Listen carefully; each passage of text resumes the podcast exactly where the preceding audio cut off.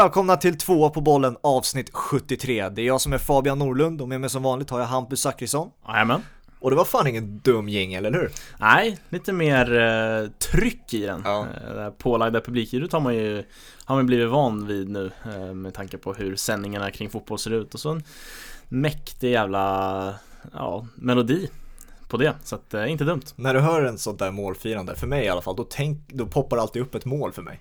Jag vet inte, har, poppar upp ett speciellt mål alltså, jag, jag, har något, jag har inte något speciellt mål som poppar upp sådär Men jag förstår exakt vad du menar för att Just det där Jag skulle nog kalla det där målljubet ganska engelskt Mm. Alltså att det blir det där tydliga ja Ja. Alltså liksom, ja det, ja, det är en jävla spe, ett speciellt ljud som är liksom klassiskt för eh, för just England och sen har liksom varje land sitt egna liksom ljud som eh, som är ganska typiskt när det blir mål. Men Mm. nej, något speciellt mål tänker jag inte riktigt på. Men eh, vad, vad tänker du på? Nej, alltså det är inte ett, det blir ett nytt i, princip varje gång. Ja, okej, alltså det ja. är alltid någonting, nu har vi ju inte fans så att nu vet vi ju knappt hur det, där- hur det där låter. Nej, det var ett tag sedan.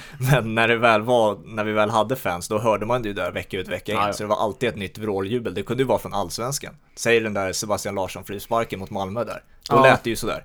Det är ju för övrigt absolut sjukaste målfirandet jag varit med om och då tänker jag inte på hans, alltså Sebastian Larssons målfirande, jag tänker på mitt eget. Då stod jag i, i klacken för ovanlighetens skull får man säga. Eh, står ju väldigt sällan i klacken, gillar ju mer, mer sittplats. Men just den matchen stod jag i klacken och det Nej, man saknar de där känslorna och det är ett sånt mål man, alltså så här, jag själv har tänkt på i, i efterhand att så här, fan det, det är så där fotboll är egentligen. Det här är bara någon, någon kopia vi har lärt oss att leva med. Mm.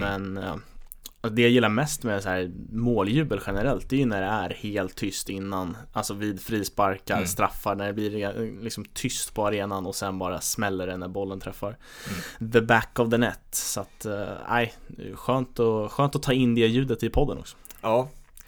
Som sagt, vi lever ändå i nuet och det är inte så mycket firande numera. Eh, hur är läget efter landslagsuppehållet? Eh, Sveriges uttåg från A-gruppen i Uefa Nations League var igår efter Frankrike-matchen. Ja men alltså, det, det är bra, vi går mot eh, klubbfotboll och då Då liksom tas man alltid av en positiv känsla eh, Men Uttåget ur Nations League var väl ganska väntat eh, jag tycker ändå, vi kommer väl till liksom Sveriges insatser i stort mer så Men jag tycker ändå vi Vi bjöd upp till dans de här två matcherna, det var kul att se. Eh, det gör inte så mycket mer med att vi åkte ut ur A-gruppen. Jag tycker ändå att det är alltså, det är väl, jag hoppas att vi kan bli lite av ett jojo-lag helt ärligt, att vi kan vinna B-gruppen och sen kämpas, eh, liksom tampas och kampas mot, eh, mot A, A-gruppen och kanske någon gång ta en tredjeplats så vi får stanna, men jag tror att vi eh, vi kommer åka ur den många gånger vi är där, men hoppas att vi kan vinna, vinna B-gruppen och eh, det blir också någonting positivt med det, att man får se kanske mer alltså competitive liksom, tappade det svenska ordet, men alltså så här, tävlingsinriktade matcher, det blir någonting annat när vi får möta ett landslag som på pappret är mer jämnt mot oss. Det blir en helt annan matchplan när man möter Frankrike och Portugal. Så att, eh, nej, jag väljer, väljer ändå se det positiva för det här var ganska väntat. Mm. Personligen så tycker jag ju att det, det är helt rätt. Vi åker ner dit vi lite hör hemma som Jo, är nation och eh, nivån vi har. Liksom. Jag tippade att Sverige skulle komma sist. Eh, trodde faktiskt inte att vi skulle hota så pass mycket som vi gjorde, så det är ju ett plus ändå. Vi, Ja, vi, Vi- sa väl eh, en poäng någon gång, Mm. att det var det vi liksom Det vi skulle trodde få. var rimligt. nu fick vi en, eh, två poäng mer än det, så det var ju positivt i alla fall. Och vi hotar ju lag som Portugal och Frankrike, men man ser ju när vi spelar mot dem att vi inte, vi inte så pass nära att vi egentligen ska höra hemma i en A-division än i alla fall. Nej, verkligen. Ehm, jag tror du och jag har lite olika syn på den senaste Frankrike-matchen. Eh, jag tror du är hyfsat nöjd med det du såg medan jag Personligen blev jag väldigt eh, besviken på framförallt resultatet för jag kände innan matchen som säkert många andra svenskar att det här, det här, kan, det här krysset kan vi fan ta. Mm. Eh, det blev ju också att Kroatien torskade mot Portugal till slut som vi alla tippade också. Och ja, alltså efter ett sånt kryss efter en, enligt mig, fel laguttagning, fel laguttagning och återigen en medioker matchcoachning av Peter Wettergren så, så är ju, alltså summeringen av matchen för mig är ju totalt missnöje och eh, helt klart underkänt. Ja, jag tycker det är eh, hårda ord. Den punkten jag håller med dig kring är väl eh, matchcoachningen. Den, den föll inte helt väl ut. Eh, samtidigt får man väl liksom ge Wettergren att han inte, han är inte van vid att vara huvudansvarig. Samtidigt liksom han är assisterande tränare i ett landslag Han är ju med och tar de här besluten så han vet ju hur det går till. Eh, Men han fick väl inte till det där eh, i någon match egentligen tycker jag. Jag tycker han är fel ute eh, i Kroatien också. Även om vi vinner den matchen så borde vi inte ha, ha släppt, in, släppt in ett mål eh, Även om det är ett oturligt mål och det är svårt att, svårt att skylla Wettergren på det Men jag tycker att vi liksom ger bort matchbilden vid 2-0 eh, eh, läget vi hade eh, och sen ja, är det väl några byten jag har lite synpunkter på. Tycker Isak kommer in för sent. Eh, att Quaison inte får komma in mot Kroatien. Eh, och sådana där grejer. Så att matchcoachningen tycker jag inte har varit bra. Och den, den tycker jag Jan Andersson också haft problem med. Det var mot eh, Tyskland. Eh, där han mycket riktigt fick mycket skit. Eh, för att där var inte matchcoachning heller bra. Så att det, det är någonting han eh, säkert jobbar med och vet att det, liksom, det är inte tillräckligt bra. Men just insatsen mot Frankrike Alltså så här, Frankrike är fortfarande jävligt bra trots att de roterar lite grann och kanske är lite omotiverade men mm. även, alltså så här, de är ändå bra. Det är inte så att de har ställt ut skorna och joggar kring, de spelar fortfarande sitt, sitt spel och sin match. Um, jag tycker väl att så här, i A-divisionen här har vårt försvarsspel blivit lite, lite blottat och det är kanske anfallsspelet som har klivit fram på ett annat sätt och visat sig från ganska ljusa sidor kan jag tycka ändå. Men försvarsspelet har ju inte sett bra ut och man är lite kluven kring vem som ska spela mittback bredvid Victor Nilsson Lindelöf mm. i ett EM. Eh, och sen får ju gärna Victor Nilsson Lindelöf hålla sig skadefri. Ja, du tar ju upp många punkter där. Jag tänker att vi bryter ner många av dem i, i det här avsnittet. Jag tänker vi börjar med Wettergren eftersom att det kändes som att det var mångas eh, var många som hade åsikter om det. Eh, inte minst jag och du säkert också. Alltså om vi säger att Frankrikes, insatsen han har mot Frankrike, om den var ej godkänd om vi säger så, då är den horribel i jämförelse med i, alltså Kroatiens, insatsen han gör mot Kroatien, lag, eh, hur han matchcoachar den matchen, den är horribel. Mm. Alltså man kan säga en 5 av 10 då mot Frankrike. Men alltså mot Kroatien är det helt klart underkänt. Han använder alltså ett byte av fem. Wow. Väljer att byta ut Dejan Kulusevski. Och som det alltså, har snackats efteråt också, Quaison fick inte komma in, Isak fick inte komma in. Varför han, de inte fick det vet vi inte. Eh, och vi, vi gav ju Pep Guardiola skit eh, förra, förra avsnittet. Att han bara använder sig av ett byte när vi har det här tajta spelschemat som på riktigt slaktar alla världsspelare ute idag. Ja vi har ju knappt några spelare kvar, känns det som. Nej, det blir ju, det blir ju andra elver att ta till sig inför helgen det kan jag tänka mig. Mm. Alltså, vad, vad vinner han på att bara göra först och främst ett felbyte? Jag tyckte Dejan ut och vem, vem kom in? Var det Claesson? Alltså fan, jag tror det var, helt blankt tror det var som kom in. Jag tror det var Claesson. Säger väl en del om hans insats i den matchen kanske. Ja, jag, jag är rätt säker på att det var Claesson. Det, jag, eh, Martin Åslund tror jag det var twitt, twittrade om det. Han frågade om, eller han skrev frågandes varför bryts Dejan ut? Om det inte är på grund av skaderisk eller något sånt så är det helt klart eh, tjänstefel. Ja, men jag såg flera som hade synpunkter på det bytet med, med all rätt. Eh, alltså jag tycker att man har fått det lite så här jag vet inte om ledarstaben, alltså, kanske lite alla svenska folket har lite fått det bakom, vad säger man, bakom foten? Eh, om bakfoten, bakfoten om bakfoten säger man. Eh, Kring Dejan Kulusevskis eh, försvarsspel. För att det är eh, i allra högsta klass. Mm. Eh, han är ingen dålig försvarsspelare. Han är ingen högerback. Alltså så här, det är inte så att han är dunder i en mot en försvars, försvarsmässigt eh, Men liksom ligga rätt och sånt där, det vet han ju. Han har ju hela sin fotbolls, liksom, fostran egentligen på seniornivå i Italien. Och vad är man bra på där? Jo, att ligga rätt från anfallare till mittback. Så att han, alltså han är en bra försvarsspelare från sin position. Och där känns det som att man har liksom man ser Dejan Kulusevski som en jättebra offensiv spelare men äh, han har ju sina brister i försvarsspelet det håller jag inte riktigt med om. Så det känns ju som det är därför han tas ut och det är mm. helt fel för att ja. han han är nog liksom en av de bättre organiserade försvarsspelarna i, i det här landslaget. Och sen att man inte, alltså man bara gör ett byte, man tar ju inte någon riktig ställning där. Att man, man går ju inte för trean Nej. och man försvarar inte heller sin 2-0 ledning. Nej. Utan det blir någonting mittemellan bara där man kör vidare. Eh, och det blir ju fel. Alltså i en sån här match hade jag ju kunnat se jag vet inte om han var med i truppen, men Gustav Svensson typ inbytt. Jo, han var med. För det är i alla fall en tydlig, de har en tydlig plan och byter in en sån spelare. Eh, men istället blir det bara någonting mittemellan och det, ja, i slutändan landar i att Kroatien gör 2-1 och det är liksom i så som det blev i de andra matcherna eh, efter Kroatien-matchen så var det ju där vi åkte ut egentligen. Ja. Frida Nordstrand, jag vet inte om du eh, lyssnade på det i paus igår när vi spelade in där mot Frankrike så antydde Frida Nordstrand att Wettergren såg sliten och trött ut och att, också, att, också att jag tror att någon hade, att det påstods att han är sliten och trött. Nu ska inte jag så här, eh, det fick mig att tänka i alla fall och fundera ett tag liksom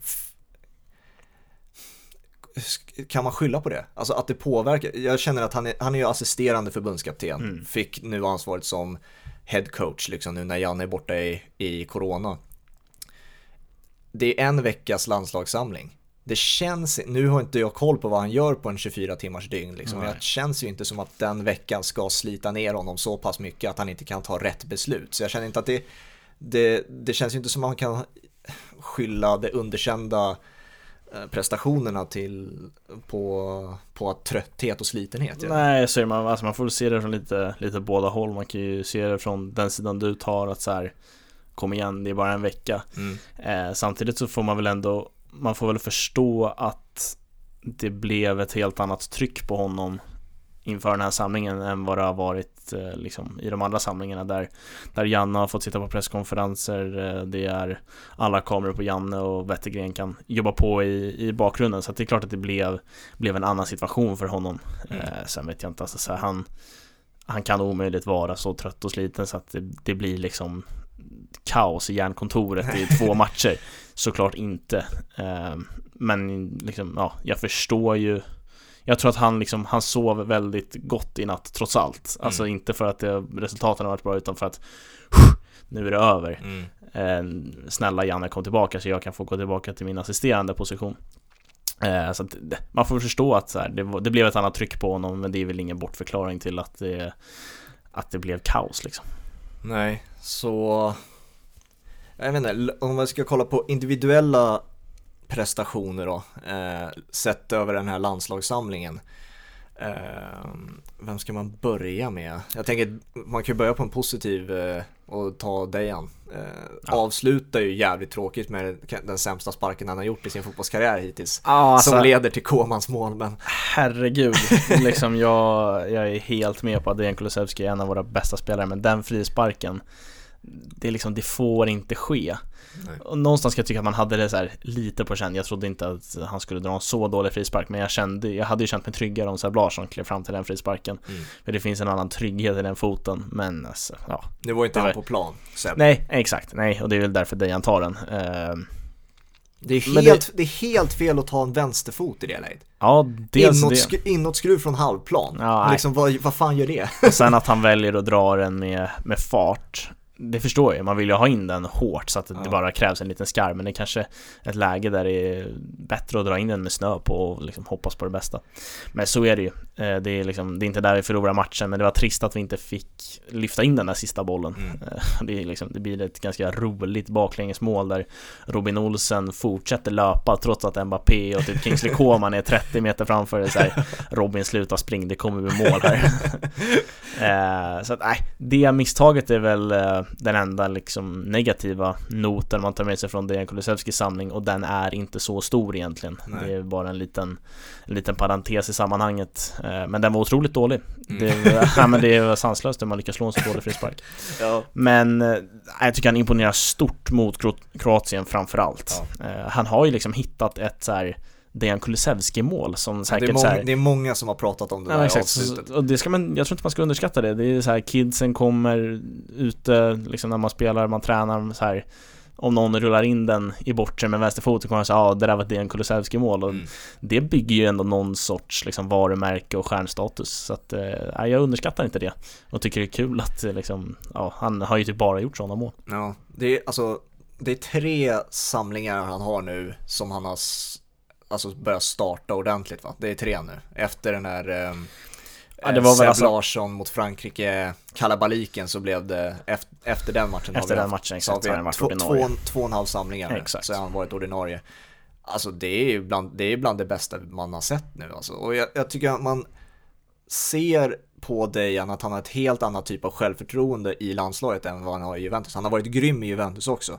Men alltså ansvaret på att skapa någonting ligger inte på Foppa längre. Det ligger 100% på Dejan.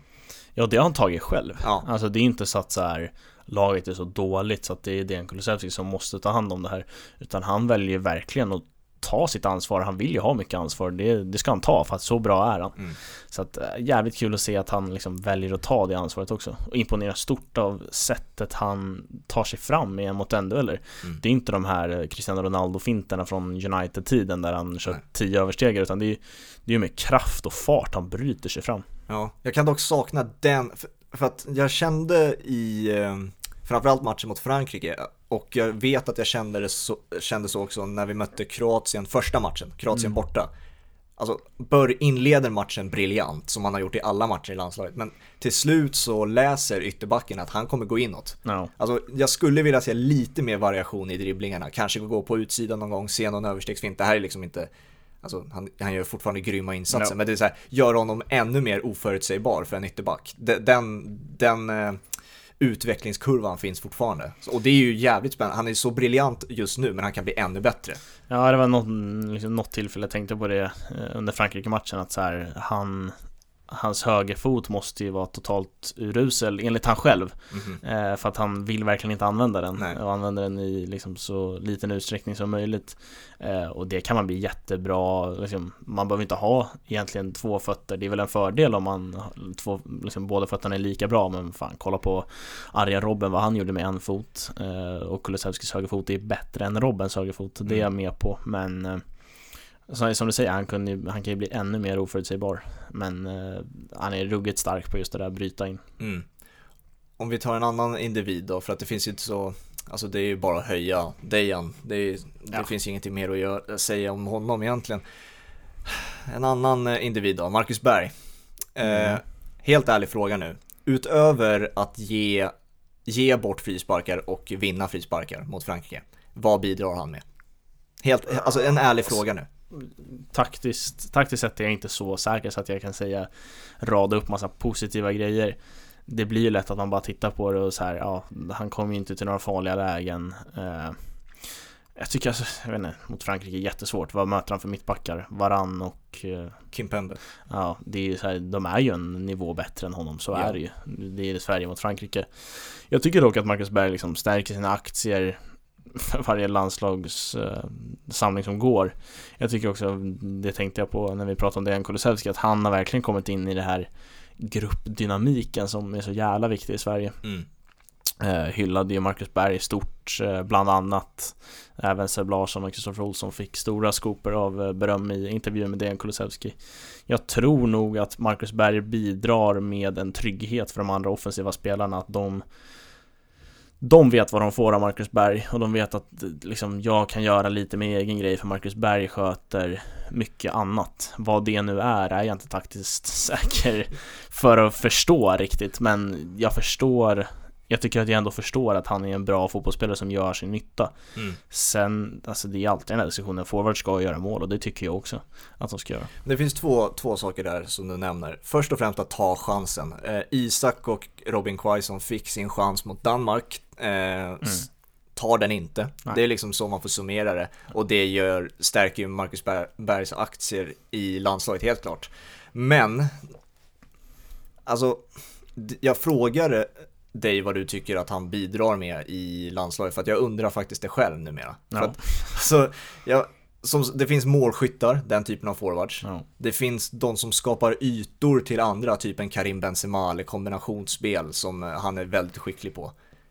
Marcus Berg, ta, jag tror inte han tar en djupledslöpning mot Frankrike. Alltså, jag, jag tror ändå att det är Karim Benzema-facket vi får sätta Marcus Berg. Men bidrar han så mycket pass till spel? När, när Kulusevski och Foppa plockar upp bollen centralt och ska driva mot en backlinje, vad gör Marcus Berg? Alltså, om det, det är liksom en ärlig fråga, för att om jag försöker sätta Robin Quaison eller Isak eller Jordan Larsson eller vilken forward vi nu använder där uppe. Kommer han bidra på ett annat sätt genom att ta en djupledslöpning? Kommer han möta? Det känns mest som att Marcus Berg, som han är jävligt skicklig på, söker upp en mittback, försöker ta emot en felvänd och sen lägga sig och ta en frispark. Det är, ing, alltså det är ingen dålig aktion, men det, det bidrar ju inte med att, alltså, det bidrar ju inte till ett anfallsspel, tänker jag. Nej, jag tror ändå det, det är det han bidrar med. Att han är, han är bra i targetspelet och det tycker jag att han är. På ett, annat, på ett sätt som ingen av våra andra forwards är.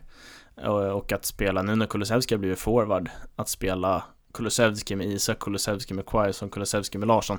Det tror jag inte på. Eh, för att, alltså så här, Isak, tyvärr, man, det här liksom sista utvecklingen, det, det, det, sitter inte i landslaget än så länge för han är jätteung fortfarande. Eh, och liksom Isak och Quaison i djupled, det är inte en spetsegenskap de har som gör att vi måste ha in dem till varje pris. Nej, men det, vi vet ju vad Marcus Berg bidrar med på det sättet att i, i form av målproduktion och allt sånt där. Eh, vi vet inte vad Isak kan bidra med sett till målproduktion, assist och så vidare för att han inte fått så många minuter som Marcus Berg har fått. Så min, alltså mitt argument för Isak i det här fallet, eller Robin Quaison för den delen, ge dem lika många minuter som Marcus Berg och låt Marcus Berg vara inhoppare en stund, några samlingar menar jag då, och se, blir det någonting annorlunda? För att Uefa Nations League var ju till för att testa oss inför EM. No. Eh, men, ja. ja nu, jag... nu, finns ju inte tiden för det inför Nej. EM. Nej. Eh, och jag kan tycka att eh, Isak och Quaison som inhoppare är ju eh, mycket bättre än Marcus Berg som inhoppare. Eh, Marcus Berg som, in, alltså, som inhoppare vill man ju ha, alltså det är ju, det blir lite så Fifa, alltså även i verkligheten. Mm. Inhopparna, de ska vara bra i djupled och snabba gärna. Eh, och där har vi Isak och Quaison som är snabbare än Marcus Berg, får mm. man ju verkligen påstå. Eh, så att den tiden finns ju inte inför EM eh, och jag tror att det ska krävas mycket, alltså det ska krävas en riktig dundersäsong för Isak eller Quaison eh, för att liksom den diskussionen överhuvudtaget ska väckas att eh, Marcus Berg inte ska starta. Jag tänkte att vi kunde dra eh, våran 11 inför EM. Eh, men innan vi gör det, finns det någon annan du vill lyfta eller sänka från det här landslagsuppehållet? Jag tycker väl att Mackan Danielsson stärker, stärker sina aktier rejält och eh, med den här samlingen har gjort mittbacksfrågan till den mest intressanta inför EM. Mm. Ja, då får man ju kolla på alternativen. Filip Hellander kom in istället för Lindelöf mm. när han fick gå ut på grund av ryggproblem. Så har vi eh, Granqvist som fortfarande är vid sjukstugan. Ja, eh, sen har vi Ponne. Ponny. och eh, ja, det är Holmén och Starfelt också som Ja, det finns lite, lite mittbackar där i bakvattnet men det är väl de första där du nämner som är hetast och eh, Granqvist tror jag inte på. Nej, det hoppas vi att Janne inte tror på heller. Eh, men han har väl erkänt nu Janne att eh, tiden, tiden rinner ut. Är... Jag kan tänka mig att Granqvist, alltså så här som har snackat om förut, en, höj, alltså en stämningshöjare. John Guidetti typ. Ja, alltså att Granqvist inte åker med som spelare utan istället att han åker med som någon hjälptränare. Mm. Eh, skrivs in i staben på ett sätt eh, istället. Eh, det hade jag inte haft någonting emot. Inte jag heller. Jag tror, var det inte så David Beckham blev, han fick väl vara en del av ledarstaben VM 2010 i Sydafrika, tror jag. Mm, ja, om man, för om man tittar på, ja, om man ser på någon repris från någon match därifrån, mm. så ser man honom sitta där bredvid Capello i en kostym. Så, och det, det, gör man ju inte om man är en del av spelartruppen. Nej, exakt. Så att absolut, det, det kan ju vara en idé och det är fullt realistiskt tycker jag att om man inte har tillgång till fotbollsspelandet, fotbollsspelandet så kan man ju ta del, alltså få dit människan. Ja, ta fram någonting annat ur den. Liksom. Utnyttja det. Verkligen. Han tillhör ju fortfarande gruppen med, med all rätt också. Han har ju varit, varit med så pass länge. Exakt. Men eh, startelvan då? Först och främst innan vi drar igenom den, alltså vill du att, när jag ska dra min elva, mm. vill du att jag ska dra igenom den som Janne Andersson realistisk eller vill du att jag ska dra igenom den som hur jag vill se? För att du, alltså din och min kommer ju skiljas något enormt. Ja, jag tror att vi måste hålla oss till 4-4-2 för att ändå göra det realistiskt. Annars jag, jag kan ju dra båda i och för sig. Annars kommer ju du dra, ja vi kör 4-4-2 till början, sen får du dra igenom din andra elva lite snabbt. Mm. För att annars kommer det bli någon 3-1, 3-1 eller någonting. alltså, du, du hittar ju på allt möjligt konstigt. Så att just EM får vi hålla oss till 4-4-2 mm, ändå. För det köper att göra det realistiskt. Ja, vi gör, kör på realismen då och då kan vi, då kan vi diskutera eh, positionerna. Vi behöver inte nämna varsin utan vi kan väl bara nämna positionen, vad vi vilka det står emellan och sen så väljer vi en bara. Och nu kör vi liksom som, som man tycker att alltså, aktierna står nu. Mm, Man kan inte det liksom kan sitta och hoppas på att en spelare gör Nej, 20 mål Det i kan, någon änd- liga. det kan ändras till sommaren, eh, men tills dess hinner vi spela in x antal avsnitt innan dess. Ja, Så- exakt. Och nästa landslagsuppehåll är i mars om jag inte är helt ute och cyklar. Så Okej. det, det känns väl ändå som en liksom, vettig idé. Ta, ta den EML vad man tycker nu och så får vi se vad som har hänt. Exakt. Så vi har en målvakt då. Robin Mm. Olsen eller Carl-Johan Jonsson? Ja, eller Nordfeldt om man nu av någon outgrundlig anledning skulle vilja ha in honom. Var är han? Är han fortfarande i Swansea? Nej, Jättebra fråga faktiskt. han, han var ju i Swanseas andra målvakt eller tredje målvakt Mm. enormt många år. Eh, Fick stå i början under eh, Graham Potter där När de så? åkte ner i Championship Jaha. Stod några matcher, sen tror jag blev skadad och sen tappade han den här platsen ja, tyvärr trist. eh, Men jag har Robin Olsen i mål Mm, ja, alltså återigen, Janne-realism, han kommer inte, det är ju en av kuggarna han inte flyttar på. Eh, och, Ganska svag insats mot Frankrike tycker jag att Olsen gör mm, ja, det kan jag köpa. Alltså, eh, Pavards mål, den tycker jag att han ska ha. Ja, det är fan Nu tappade jag Det är den där halvvolleyn som Ja, exakt, den- påminner. den är jag med han på. går ju inte, han, han sätter sig ner på knä och så tittar han på bollen. Ja. Alltså, jag, jag, Okej, jag kräver inte att han ska rädda den, men jag, jag kräver att han ska försöka i alla fall. Och jag, och tycker om han är på tårna och försöker så räddar han den där. Mm. Så att den är så pass långsam. Ja, jag tyckte han var liksom Han hade kunnat göra en bättre match mot Ja. Men eh, Eh, Olsen i mål Ja, så är Olsen kommer stå. Så har vi Emil Kraft eller Mikael Lustig på högerbacken och där är inga frågetecken heller om vi frågar Janne tänker jag. Nej, jag tänker alltså så här, man kan ju hitta Vi själva kan ju hitta argument Om man vill ha någon annan än vad kanske Janne Än vad man tror att Janne vill ha Men där vill jag ha Lustig Jag Mm. tycker att han är Han är stabil och vi måste Alltså lite sjukt nog att liksom prata om det Men att hitta tillbaka till den här stabiliteten i försvarsspelet Vi har Ja. släppt in mycket mål och då tror jag att Lustig är Är rätt man ändå Varför gick han ut mot Frankrike? Vet det. Ja, jag kan tänka mig att han var tröttkörd alltså han Jag vet inte, han har inte gjort så många 90 minuters matcher i AIK Han har ju Nej. ofta skrivit av efter 50-60 ganska tidigt sådär eh, Så att eh, jag tror nog bara att det var liksom energitorsk Fick köra mot, eh, fan vad tufft det måste ha varit. Han, måste, han körde mot Toram då, vad heter han? Marcus mm, Toram. Marcus Strand exakt Och sen så kommer en Papé in Ja, på den nej. kanten. Va? Nej, nu ger jag upp. Nej, det var ju bara kliva Ja. Men jag tror Emil Kraft kommer få sina minuter i EM för att eh, Lustig eh, Han blir inte yngre Nej, så är det. Eh, Lindelöf och Danielsson som mittbackar va? Vi var ju inne på det. Det finns ju, Alltså just nu håller jag det som vårt bästa mittbackspar. Eh, Ponna har haft det tufft i landslaget, lite små skavanker sådär i Brentford. Eh, Men jag tycker att det blir Det blir en trevlig liksom resa att följa den här liksom kampen. Det blir svårt att följa Mackan Danielsson, man ser inte så mycket kinesisk fotboll. Eh, Men liksom vad, vad gör Ponny i Brentford? Det är ingen aning det heller. Nej men alltså det kan man ju ändå följa på ett tydligare sätt Ja. eh, Så att det, det blir intressant att se vem som stärker sina aktier Men just nu håller jag Danielsson och Lindelöf otroligt imponerad av Danielssons fötter alltså.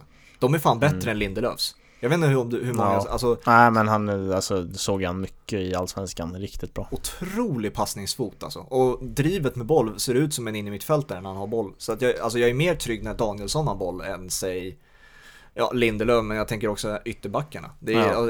otroligt bekväm med boll igen. Sen har han ju X-faktorn i huvudspelet, han är ju enorm där, Ja, alltså. väldigt bra. Så att, eh, ja, konstigt nog, det skulle man inte sagt för två månader sedan. Verkligen inte Att Danielsson startar i EM.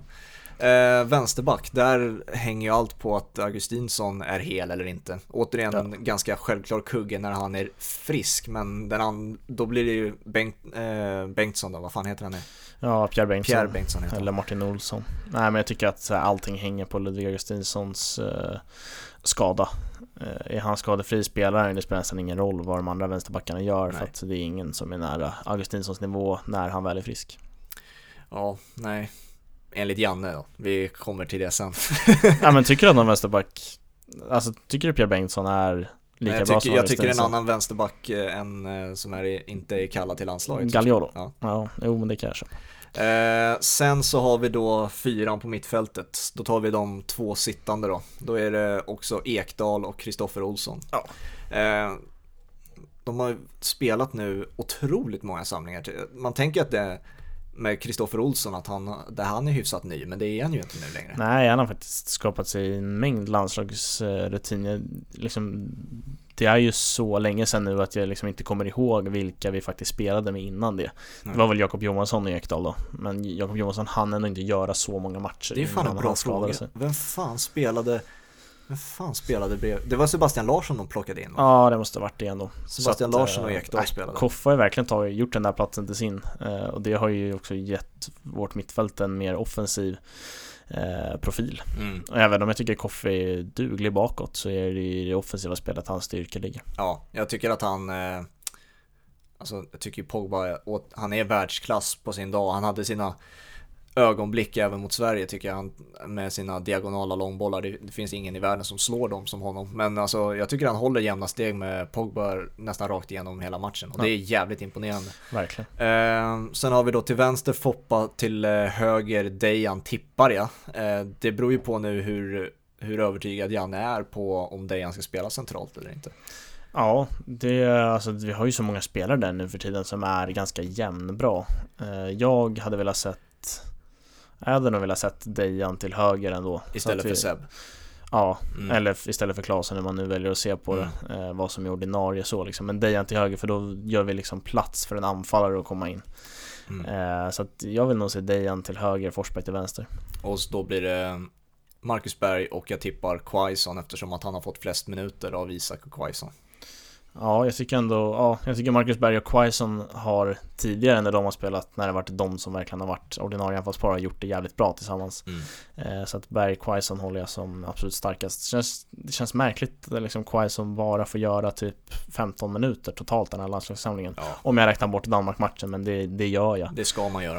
Eh, så att det känns som att han av någon anledning har försvagat sina aktier Men det var kul att han fick göra mål, viktigt för honom tror jag också för att han spelar ju ett uruselt Mainz Mm. eh, Så att ja, Berg Quaison på topp håller jag som min EM-11 Och där har vi den. Eh, EM-11. Vilken är första premiärmatchen? Det är väl eh, Spanien va? Det är så tufft alltså. Jag Det tror in- För att den som fick den sista platsen i gruppen var Slovakien. Slovakien. Slovakien var det. Slovakien Eh, och då har vi stjärnor som, det är där Skriniar och Mm, Marek Hamsik Hamcik, just det. Ja. Ti- ja. Även någon mer än Hamcik och Skriniar. Nej, slovakisk fotboll är man fan inte stark Ja, på Men det är Jurac eh, Kuka som är väl nu, nu för tiden i Parma. Tidigare Milan. Exakt, så de har ju ett mittfält som kan skjuta från distans i alla fall. Ja, men eh, rimlig elva. Det är, och återigen, vi har ju pratat om det i podden tidigare, Jannes väldigt eh, självklara elva. Den har vi sett förut och kommer vi se igen. Så att antagligen är en premiären helt Ja, enkelt. jag tycker att det är liksom mittbackarna och eh, vart Dejan ska spela som är de frågetecken som finns just nu. Mm. Ska vi dra min eller? Ja, Så får köra lite fort. Ja, Så får du dra, säga vad du tycker helt enkelt, om Mm. det är underkänt eller inte. Först och främst släpper jag 4-4-2, ingen skräll där. Nej, det. Eh, tycker vi är som gjorda för en 4-2-3-1. Mm. Eh, så drar jag igenom helt enkelt. Jag vill ge Carl Johan Jonsson chansen före Robin Olsen. Eh, av den enkla anledningen att jag vill ha ordinarie spelare i, i mitt landslag. Så att, eh, ja, Carl Johan Jonsson han spelar vecka ut vecka inför Köpenhamn. Spelar även ute i Europa. Robin Olsen, möjligen att han tar platsen från Pickford i Everton. Då är det en helt annan femma. Då är, alltså, men jag tycker att man ska spela ordinarie fotboll för att få representera Sverige. Det är liksom så pass, s- alltså, så pass bra lag har vi nu att vi ska ha eh, fötter som är fräscha helt enkelt. Ja, det är din, din EM-11 om EM ska du börja imorgon liksom. Exakt. Så då får vi utgå från det. Högerback vill jag se Emil Kraft mer än vad jag har gjort, så därför väljer jag att eh, Lustig kan jag väl se som en eh, John Guidetti Granqvist typ då. Alltså han, jag vet hur jävla grym karaktär det är. Ja, det är ju Eh. bara att kolla på effekten han har givit AIK. Ja, liksom. En av mina drömintervjuare till podd, podden sen också. Alltså, Ja, Lustig, han han, skulle, han skulle höja taket alltså. Det skulle vara Verkligen. hur roligt som helst.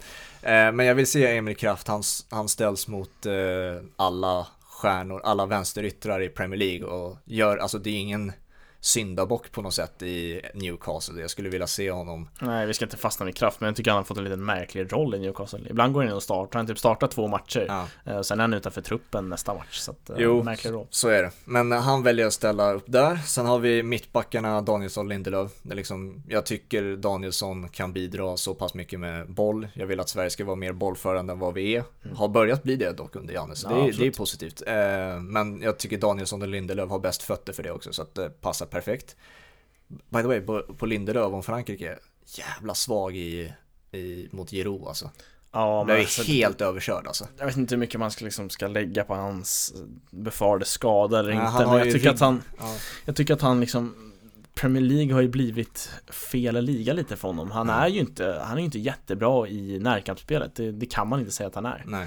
Eh, han, eh, han skulle passa bättre i Serie A och La Liga. Sen, nu spelar han i Premier League, då får vi utgå från det. Men jag tycker att det, äh, det, är liksom, det är inte rätt liga för honom och Giroud är ju kriminellt underskattad. Ja, fy fan. Han, han kom upp alltså typ fyra, fem gånger och fick nicka ganska fritt i, alltså igår mot Sverige. Ja, och det, det- var ju mycket på grund av Lindelöfs felpositionering. 3-1 målet han gör när Lindelöf fortsätter typ jogga 15 meter. Han vet ju där att Han ser ut att han ska ut och liksom in i omklädningsrummet och det var Ja. kanske det han ville för att han kände väl av ryggen där men det, äh, det såg inte bra ut. Dels det, men jag tror också reaktionen av den där joggen är att han bara, jag, alltså han, jag vet att det där var min markering 100%, det där skulle jag ha tagit. Det jag tycker alltså, det Lindelöf saknar lite det är den här erfarenheten. Han börjar, han är inte, han är inte gammal men han är inte heller purung. Nej. Och han har inte den där erfarenheten att förstå två sekunder innan vad som ska hända. Utan han äh, behöver alltid nästan reagera i sitt svarsspel Mm. istället för att agera. Eh, Det är tur att han är hyfsat kvick. Mm, ja men det är han. Och det är väl synd att han får lära sig av Harry Maguire liksom för att de, alltså det är ju så här dum och dummare ibland. Ja, så är det. Sen till vänsterbacken där jag redan tagit, det är Ricardo Gagliolo. Fattar faktiskt inte varför inte han får, det är, kommer komma till andra namn som jag inte fattar varför de inte är med i landslagssamlingen överhuvudtaget längre. De, han, han, de plockade in honom för att se till att han var svensk på pappret då. Mm. Eh, Fick väl fem minuter någon match eller vad fan det var. Nej jag håller med. Startar man i Serie A vecka in och vecka ut så är man ju Och landslagsspelare. jag tycker han gör det bra. Alltså jag, de matcherna jag ser så tycker jag alltid han är en 7 av 10. Liksom. Ja. Han gör aldrig bort sig, han är Nej. riktigt bra. Så att jag, han vill jag verkligen se. Sen är jag nöjd med mittfältet, Kristoffer Olsson, eh, Ekdal som mina två sittande i 4-2-3-1. Däremot så vill jag se Svanberg och framförallt Kajuste, för jag tyckte bara de fem minuterna han fick mot Frankrike såg väldigt bra ut. Mm. Alltså de, de två roteras in betydligt mer och kanske till och med tar Ekdals plats efter ett tag. Han kör också t-shirt och vantar. Det är någonting med det jag tycker om alltså. Det är fint. Jag gillar det. Det är Martial-stil. Ja, Eh, men ja, så det är Kristoffer Olsson och sen bredvid där Ekdal till en början och sen successivt in med Svanberg och Kajuste. Svanberg som by the way har en väldigt fin säsong i Serie A. ja verkligen. Eh, sen kommer den här trean då, fram, bakom eh, anfallaren. Och jag vill ändå se de här tre som Alltså de har ingen station, alltså de har ingen position. Kanske i försvarsspelet så har de en viktig position att jobba hemåt och men en, två stycken på kanterna och en centralt försvarsmässigt men sen när vi har boll då får de rotera hur mycket de vill. Och det är Emil Forsberg, det är Dejan Kulusevski och Jesper Karlsson. Mm. De tre vill jag se rulla, vara så kreativa som möjligt och bara hämta boll, gå i djupet och så vidare. Eh, skulle, jag tror de alla tre passar väldigt bra centralt, likaså på kanten. Så att jag vill inte ge dem för mycket ja, instruktioner i anfallsspelet, det kan de Nej. bättre själva. Ja, antagligen. Och eh, som anfallare vill jag se Alexander Isak för att jag tror att om man ger honom fler minuter än vad han får, både i Real Sociedad men också i landslaget framförallt, så tror jag att han skulle producera extremt mycket mer mål än vad Marcus Berg gör. Mm. Alltså sett till antal minuter spelade. Och jag tror också att han skulle passa som en ensam anfallare. Han är ju en ensam anfallare i Real Sociedad. Han, Ja, han är otroligt bra på att gå i djupet. Ja, han har ju också även så här storleken, han börjar bygga på sig. Mm. I AIK var han ju väldigt liksom tanig, han var 16 ska man ju komma ihåg när han kom fram där i AIK. Så att eh, absolut, han har längden, styrkan och snabbheten för att vara ensam anfallare. Mm. Så där har du min elva. Mm, jag tror att det här är en elva, liksom vi kommer börja närma oss efter EM 2021. Fast fortfarande i en 4-2-2 4-4-2. 4-4-2 eh, med liksom Jesper Karlsson till höger, Kulusevski, Isak på topp, Forsberg till vänster, Mm. Koffe, Ekdal. Eh, kanske inte Gagliolo in då, men eh, i och med att det kommer vara ett lite liksom, mindre generationsbyte. Mm. Men alltså, du är ju inne på någonting, men att du, du vill ha in det nu. Jag tror att du får vänta något år eller två. Ja. Eh, och eh, alltså det här är en elva. De här spelarna som kommer fram nu i Sverige är ju riktigt spännande. Mm. Jag tycker att det är också, alltså, så här, de visar på en mognad också. Så, så här, det är spelare som levererar ut i sina klubbar. Eh, Norge pratar mycket om sina fina, fina talanger, men det är ofta så här Citys U23, Just det. eh, Bayern Münchens U23. Mm. Det här är ändå spelare som om ett, två år kommer vara ordinarie i sina klubblag och eh, förhoppningsvis göra det bra. Så att du, du är helt klart inne på någonting. Problemet med att vänta ett, två år är att det kommer komma upp fler talanger på ett, två år. Så att då är det så här, jaha, vem tar man bort då ur truppen? Är det bland de eh, rutinerade eller är det de här andra talangerna som inte har fått chansen än som måste roteras ut? Om man frågar Janne så tippar jag att det är de unga talangerna som roteras ut med andra. Ja, andra alltså jag, tror att, jag tror att några spelare också försvinner helt naturligt. Jag tror att Seb Larsson, Micke Lustig kommer tacka för sig, Marcus Berg kommer tacka för sig. Mm.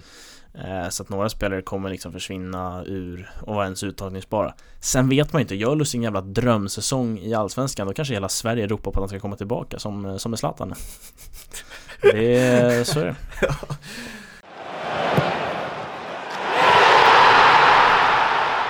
Tvåa på bollen är sponsrad av Matte 10 och eh, Hampus, det är ju många säkert som vet redan vad det här är för typ av dryck, men om du inte vet, du som lyssnar, då är det dags att vakna och sluta leva under en sten för fan. Maté är ju en dryck framställd av växten järba helt enkelt. Det är precis som te. Väldigt populärt i Sydamerika bland annat. Eh, och Matte Tea erbjuder ju många smaker eh, att dricka. Det finns väldigt många att välja mellan. Eh, har du någon favoritsmak, Hampus? Ja, men än så länge tycker jag Tropical är riktigt trevlig. Ja, det är den vi sitter och dricker nu när vi spelar in. Exakt, jag ser ju Mate-teet lite som eh, Peter Wettergren ser på försvarsspelet. Alltså, man kanske har jävligt bråttom på morgonen, måste iväg. eh, men först måste man sätta försvarsspelet och det, det är att få i sig en kopp av det här Mate-teet. Det ger, eh, ger en boost och ger en känsla av att det är sommar året runt och det kan behövas i de här dystra och mörka tiderna. Det är ju faktiskt så att det, det, är så pass bra så att många trodde ju först att det var doping, så jävla bra det här TT. Ja. Alltså matte T är ju väldigt populärt just eh, syd, hos sydamerikanska fotbollsspelare eh, som spelar ute i Europa nu. Man har sett eh, Luis Suarez, Ronaldo, Messi, Antoine Griezmann till och med går runt och dricker på de här innan, efter matcher, innan, efter träningar. Liksom. Det är väldigt, vad ska man säga, prestationsboostande dryck. Så att eh, Helt rätt, du måste sätta vårt eget försvarsspel. Ja men exakt, det känns, fan som det, det boostar allt möjligt och eh, i och med att ingen fotbollsspelare åkt dit för dopingen så är det ingen som på skola eller jobb kommer åka dit för doping. så det, det är läge att eh, gå in på mateti.se och inhandla sitt eh, startpaket. Verkligen, eh, alltså från en liten webbshop till nu en av de största webbutikerna ute i Norden. Så att det här är vår nummer ett dryck kan man säga och hoppas att eh, det blir din med vägen. Så använd vår kod eh, på matteti.se eh, som heter 2 pa bollen, stora bokstäver rakt igenom. Vi kommer också länka allt allt det här, allting vi säger i våra, på våra sociala medier kommer det vara enkelt att hitta även på vår hemsida eh, som vi kommer prata om lite senare i avsnittet, eh, hur ni hittar den. Men ja, 10% eh, på ditt köp va? Ja, för fan. Det är ju det är bara att slå till. Ja, det är bara att slå till. Jag tycker ett startpaket är en, eh, en grym start. Det är det vi har eh, till att börja med. Och så kommer vi säkert bygga på det där med någon termos och sådär. För det här Ja, det här känns som en dryck, jag har inte gillat liksom kaffe och sånt där innan Nej. men det här kan nog bli min morgondryck för att, eh, riktigt bra grej. Se, till och med Hampus har gått med på att dricka en varm dryck. Då, ja, då, då, vet, då vet man att det är bra grejer. Då är det dags för alla andra att hänka på. Så är det. Stort tack till Matte T som sponsrar den här podden. Okej, ska vi sammanfatta den här turneringen, ska man kalla det det? Uefa Nations League? Ja, Det är väl en turnering? ja. ja eh, slash vänskapsmatcher. Alltså det blir ja. ju liksom allvar. Det, det är väl det som var lite roligt, de här två sista samlingarna blev det lite mer allvarligt. Framförallt för mm. andra länder, eh, inte Sverige rent specifikt då kanske. Vi, vi ville hålla oss kvar i, grupp, i den högsta gruppen i grupp A. Ja exakt, men, men det är kul att få den där liksom nerven i sista matchen var ju som en sista match i, i en ligasäsong där man får hålla koll på andra arenor. Vad händer där? Vad mm. krävs av oss nu? Eh, så att, eh, kul att få nerven tycker jag. Så vad det intressanta är, för nu minns man det knappt för att eh, jag tror att corona påverkar ju det också såklart för det är det, det enda man minns numera. Men hur var det innan Uefa Nations League? Om man tänker tillbaka får man göra det två, tre år nu innan Nations League kom? Var det bara vänskapsmatcher? Nej det var det inte, det var ju VM och EM-kval. Alltså det har ju nästan, de antalet vänskapsmatcher har ju legat kvar egentligen på samma antal. Man mm. spelar typ tre vänskapsmatcher per år. Och det gör man ju även nu med Nations League. Eh, Vilket jag inte förstår varför man gör. Vi har ju Nations League av en anledning så skiter de där liksom. För nu har ju Sverige spelat tre tre matcher per landslagsuppehåll. Mm. och det är ju en för mycket. Nästan två för mycket. Men eh, så ta bort de där lands, landskamperna eh, så att de är legat kvar på typ lika mycket men det var ju länge sedan man såg en kvalmatch ja EM VM kval var ju otroligt Vil länge sedan. vilken var det? Det, det var när var, vi tog oss vidare mot Rumänien va? Ja, det var exakt. sista matchen ja. För VM-kvalet har ju Jag vet inte om det har lottats överhuvudtaget. Men jag känner att det kommer bli jävligt kompakt, det VM-kvalet. För ja. att eh, VM drar igång Ja, om vi går in i 2021 så nästa år, 2022 ska ju VM spelas eh, Förvisso på vintern så att de har ju lite tid och eh, klara av det där. Men annars var det ju liksom, det var ju kval, kvalmatcherna. Det har man nästan glömt bort att det ska kvalas till mästerskap också Med, med det här Nations League liksom oh, och, att, och att EM har legat på vänt ett år Har gjort att man inte dragit, dragit igång något kval. Mm. Det här är ju i och för sig, jag har inte så så bra historisk koll på det här påståendet nu, men är det här första gången vi faktiskt har fått se de här stora länderna spela mot varandra? För tidigare har ju kval, kvalen ser ut så att de, de lottas ju fram genom ranking. No. Och eh, ja, Portugal, Frankrike, Sverige och Kroatien skulle inte, är ju inte med i samma grupp då. Nej. Eh, utan det är två av de länderna och sen lite sämre Exakt. sett till ranking. Ja, alltså det är första gången vi har fått det i den här utsträckningen. Nu får vi det ju varje landslagsuppehåll. Och det är det, det är det jag vill bolla upp. Är det, är det ett bra upplägg, tycker du? Ja, men jag tycker ändå det, det, det ger någonting. Eh, definitivt. Eh, även fast jag liksom inte jag ser inte fram emot Spanien, Tyskland, eh, Portugal, Frankrike sådär att så här, jävlar vad kul det ska bli att se. Nej. Men det, det, ger, alltså det ger ändå en match att titta på. Mm. Eh, man tittar ju mycket hellre på det än eh, Portugal, Iran eller vad fan allt möjligt det var mm. i vänskapsmatcherna. Sen även kvalmatcherna, typ Andorra, Portugal. De kommer ju också de matcherna, men jag tycker ändå det här det har tillfört det det skulle kan jag tycka. Ja men det, det är det jag är nervös över, att man avtrubbas nästan av de här stora matcherna. Säg, alltså innan Nations League kom, då var ju den största matchen i VM 2018 nu under gruppspelet, det var ju Portugal-Spanien. Den där 3-3 mm. matchen, ja. Ronaldo gjorde hattrick och allt möjligt. Då var alltså alla satte sig framför tvn och bara äntligen får vi se de här två stora länderna möta mm. varandra liksom. Nu får vi ju se det som du säger, liksom varannan månad liksom. Ja. Så det är liksom det är jag nervös över, när de här turneringarna, när det är allvarligt, att man avtrubbats lite av den hypen, att den, den finns inte kvar riktigt. Ah, jag tror ändå att vi fotbollsälskare förstår skillnaden på Nations League och mästerskap. Mm. Det är där fans hade hjälpt till som fan. Alltså, ja, definitivt. De, de hade ju höjt stämningen något enormt. Verkligen. Det har ju liksom omkullkastat allt ja. när vi inte har några supportrar. Att liksom, allt blir märkligt och annorlunda. Men jag tror att vi, liksom, vi fotbollsälskare förstår skillnaden mellan Spanien och Portugal i Nations League och Spanien och Portugal i VM. Och de här små länderna då? Eh, vilka var det nu som gick vidare till det var ju några som eh, tack vare Uefa Nations League tar en EM-plats som antagligen inte hade fått platsen om det inte hade varit för just Uefa Nations League. Nej, exakt. Vilka länder är det då om vi radar upp dem? Fyra finaler som spelades eh, det här uppehållet. Eh, och då var det ju Nordmakedonien, Georgien i ena finalen. Nordmakedonien tog hem den. Ja, galen kioskvältare där alltså. Goran Pandev. Kul att se att han lever och frodas. Ja. Eh, vad hade vi mer? Skottland, Serbien. Ja. En ganska bra final på pappret sådär. Alltså två fina landslag kan jag tycka som har som har sina spelare man ändå vet vilka det är. Men är Skottland ett fint landslag? Ja, de har ju någonting kan jag ändå tycka. Är det bara för Andy Robertson lagkapten? Ja, ah, stor del. stor del, men de har ändå ja, Kieran Tierney, lite ja. så Celtic-gubbar och sådär. Så att jag tror ändå de kan, de kan göra ett jobb i, eh, i EM och spelar ju också EMs alltså bästa match inklusive finalen. Mm. Det blir ju Skottland-England i um, EM-premiären. Oh, den, den är fin. Det är ju jävligt synd om vi liksom, om publiken går miste om den. Men, det gör de ju antagligen. Ja, antagligen så blir det så. Men i vilket fall så är det en otroligt, otroligt fin match att se fram emot. Um, så att Skottland vidare. Istället för Serbien, det tycker man är lite trist. Tycker jag personligen. För jag ja, tycker, jag också tycker, märkligt. Man tycker att Serbien har ett bra landslag på pappret Mm. Men de har inte uträttat så mycket bra Nej. grejer Nej, men när man ser de lagen ställas mot varandra då det Definitivt var en enkel Serbien-vinst tänkte jag, men nej.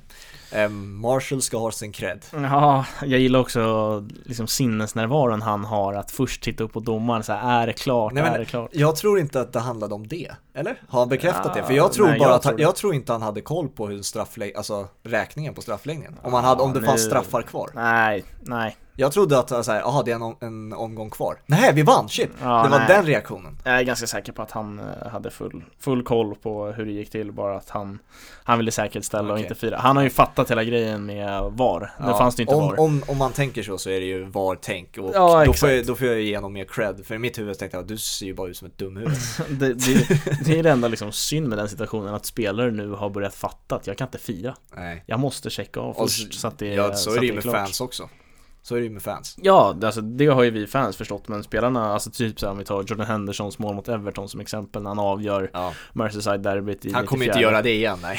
Nej, det är ju så jävla trist nej. Nu får jag inte fram de här jävla finalerna Så jävla bra landslag var det inte att man har full koll i huvudet Men uh, Ungern spelade väl en final? Mot Island? Just det, så Just var det, det. var final Just. Eh, vad hette han? där? Dominik Zoboslaj Shoboslaj, just det. Han är jag faktiskt jävligt taggad på att se under EM. Ja, definitivt. Han har ju haft ett par riktiga pärlor Jag tror han har två mål i Champions League hittills He- helt rätt byggd för en fotbollsspelare. Alltså lång, alltså kraftig, teknisk, ser ganska bra ut. Ja, men en, Han har looken liksom. Sergej Milinkovic Savic typ om man ska Ja. jämföra, jämföra honom med någon Lite mer målfarlig, kanske. Ja, han har ju ett ruggigt jävla skott alltså det, det han gör mot Island där i slutminuterna det är, Man ska ju komma ihåg att det är 90 när han Ja. driver upp förbi två, tre spelare och sen bara, ja, bara skyfflar in den eh, Stolpe in Det ser man ju på reaktionerna på Islandsspelarna också som bara faller ner på knä, Ah, mage, alltså. rygg. De bara nej. Vad, vad är det som händer? Nej, så att han, han är verkligen imponerat eh, Ruggig talang eh, och liksom Salzburg gör det igen på något sätt Mm. Eh, Vi snackade ju med Hasse Backe om hela Red Bull-koncernen eh, Som man kan tycka vad man vill om utanför plan Men på plan gör de ju bevisligen otroligt mycket bra grejer Verkligen. Eh, Hasse Backe har alltid rätt. Det är den regeln man får Ja, det är den regeln man får förhålla sig till Eh, Erik Hamrén tackar för sig med det. Ja, det är väl rätt väntat. Jag kan tycka att så här Island har väl varit lite bortskämda. De har tagit sig till två raka mästerskap och det är Mm. ingen, det ska inte vara någon normalitet för Island. Nej. Och så missar de i finalen mot ett ganska starkt Ungern. Ja. Eh, Det är väl i så fall i kvalspelet att Hamrén skulle gjort det bättre och tagit en direktplats men Island är ändå Island och eh, lite kan tycka att det är skönt att de Tillbaka till verkligheten liksom, de Mm. går inte till varje Ja, mästerskap. alltså, tänk tillbaka för två år sedan, nej, två och ett halvt år sedan nu. De spelade 1-1 mot, eh, mot Argentina var det i, pre- Ja, ja. i premiären. Det är helt sjukt. Nej, de har ju haft en otrolig eh, era här och alltså, är ju mer charmiga än kanske andra nordiska landslag. Liksom om Danmark och Norge, Mm. alltså att Norge åker ut, det kan man ju tycka är, det kan man tycka är lite skönt. eh, det, det är väl där jag börjar landa med Island också, att så här, de har gått från att vara charmiga till att vara lite så här. ah, Fan kom igen, ni är Island, För, Mm. förstå det. Eh, ni går inte till varje mästerskap så att eh, det var ju en fin vändning av Ungern. Har du koll på den sista finalen då? Ah, Ska vi briefa fram den? Ja, jag måste ju göra det. Slovakien var det. Otroligt att vi glömmer dem när vi redan har pratat har- om att de har dem. gått in i Sveriges grupp. Ja. Eh, så vi behöver egentligen inte tala om så mycket mer än vad vi redan sagt. Det är ett eh, det är världsspelare på sina positioner, eh, så det har vi att se fram emot. Eh, De har, de har ju sina spelare, jag tycker att Slovakien, Polen och Sverige liknar väl lite varandra på Ja. det sättet att de har sina spelare lite här och var och sen eh, svagare på andra positioner. Och så, så här, vi i Sverige har koll på vårt landslag, de i Slovakien har koll på sitt land, Exakt. landslag. Om, vi, om man skulle fråga en engelsman, vem, vilket landslag är bäst av Polen, Sverige och Slovakien? Jag tror de skulle ha svårt för att välja eh, som en objektiv källa, jag vet inte. Ja, Eller vem, vem tror, vad tror du en engelsman skulle sagt? Alltså- Slovakien, Sverige eller Polen? Det är skillnad på engelsmän och engelsmän. Jo, Men om vi tar en, en, en, en fotboll. Ja exakt, en fotbollskunnig engelsman så tror jag ändå Alltså en fotbollskunnig människa överlag som inte har någon koppling till landet i, fråga Alltså Slovakien, Polen, Sverige tror jag ändå håller Slovakien som ganska tydlig fyra Mm. eh, Och sen är det nog fan dött lopp mellan Sverige och Polen Jag tror han skulle edga den till Polen just på På grund, grund av Lewandowski. Lewandowski. Exakt och det är väl, ja det är där eh, det är där man tittar och känner Mm. att man börjar bli orolig för Lewandowski. För att han kommer ju gå in i det här EMet med en jävla toppform. Ja. Det vågar jag ju säga redan nu. Han har varit urusel EM 2016 och VM 2018 ska tilläggas. Alltså Mm. jävlar vad jävla besvikelsen har varit. Eh, för både Polen kan jag tänka mig, men liksom som en Alltså utöver Sverige en objektiv när man har sett på, okej nu ska Polen spela Lewandowski mål, alltså han kommer ju Många tippar jag liksom, han kommer vinna guldskon den här turneringen och så Ja, gör han det- liksom noll eller ett mål på Det är de här turneringen. klassiska EM-tipsen, Excel-arken som eh, Exakt. går runt innan om man ska fylla i och då, då vet jag att man har sett Lewandowski ett par gånger Ja. som eh, målskytt. eh. Jag tror att han är jävligt sugen på att ta det här ansvaret också, lyfta Polen till ett jävla fint EM. Så att det blir en spännande kamp mellan Sverige och Polen tror jag om att ta den där andra platsen. Sen kan man ju gå vidare som tre också. Mm. Ska vi knyta ihop säcken där? Yes. Vi eh, har en eh, spännande helg att se fram emot. Vi tar inte matcherna egentligen men vi i detalj, men vi kan ju säga att ett City-Tottenham, det kittlar ju. Sen har vi ju, Verkligen. vad har vi mer? Vi har Liverpool-Leicester, det är en bra match. Sen Ja det är vi väl fan, eh, Leicester leder väl ligan så att det är väl Mm. eh, ettan mot trean där. Atletico Barca spelar i helgen vet jag också. Extremt synd att Suarez eh, åkte på ett positivt covid-test och missade den Så matchen. jävla trist. För att han hade, han hade ätit upp Barcelona. Åh fy fan, han hade slaktat Piqué alltså. Eh, ätit upp, det var det meningen eller? Alltså, när, Va? Ah, fan. Nej, det var det inte. Det hade varit... Eh, jag är ändå nöjd av att det inte var meningen. Svag, det, svag koppling till hans beatskandal. Eh, vi har lite, utöver en eh, ny jingle har vi ju lite andra nyheter. Eh, ni har ju hört vår nya sponsor som går att hitta på alla våra sociala medier, vår nya hemsida också som eh, vi har designat och finns nu ute. Eh, www.2pabollen.se Det är en eh, siffer 2, inte två bokstavligen. Som på, på alla andra sociala medier vi har. Exakt. Eh, använder sig av tvåan som en två. Där senare kommer ni kunna läsa också lite blogginlägg från eh, oss två, också vår mediaansvarige Gurra Tidestad som ni har hört i podden tidigare. Våra tankar kring ja, den senaste inom fotbollen kommer vi säkert publicera en del där och sen har ni våra sponsorer, ni har som ni kan hitta där, ni har eh, lite ja, hur ni kan kontakta oss och mm, våra sociala medier och allt möjligt finns där på vår hemsida. Tänk att vi, vi kan ha jävligt roligt eh, med våra bloggar liksom att, det, att vi kan vara ganska frispråkiga eh, där och ta upp saker kanske man, man glömmer bort i poddformatet för vi sitter oftast en timme och det blir en timme långt det är sällan Mm. vi sitter och liksom tänker efter så eh, så det kan bli jävligt kul med en, eh, med en blogg och där vi får utlopp för att skriva av våra känslor och också liksom det skriftliga vi pluggar till journalister och vill, vill utveckla även det Yes. så att eh, följ gärna våra bloggar Yes, eh, och eh, som avslutningsvis då så tycker jag att ni kan, eh, vi kan be om den tjänsten att eh, sprid eh, den här podden så gott ni kan. Det har vi inte bett om på ett tag nu, men liksom om ni gillar det ni hör, om ni har någonting som ni vill ska utveckla det så hör av er om ni tycker att det är bra, liksom sprid det till nära och kära, liksom det Hör uppskattas av er om ni tycker det är skit också. Exakt. Vad behövs, behövs utvecklas? liksom? tas vi, tar vi emot det också. Så hoppas vi att ni eh, kan växa med oss. Om, man, om det makes sense överhuvudtaget. Ja, jag vet inte, men jag, jag förstår vad du menar. Ja, jag tror de förstår vad jag menar också. Eh, så får ni ha det så bra så länge. Nästa vecka gästas vi av Fredrik eh, Pavelidis, eh, headlines-bloggaren från Fotbollskanalen. Ska bli kul Mm, Ska vi- Full koll på uh, det senaste. inom headlines ja. Så vi har en, eh, har en del nyheter förhoppningsvis efter, efter en sån här intressant helg vi har att diskutera. Ja. Så då hörs vi då nästa vecka. Får ni ha det så bra så länge. Ciao. Tja!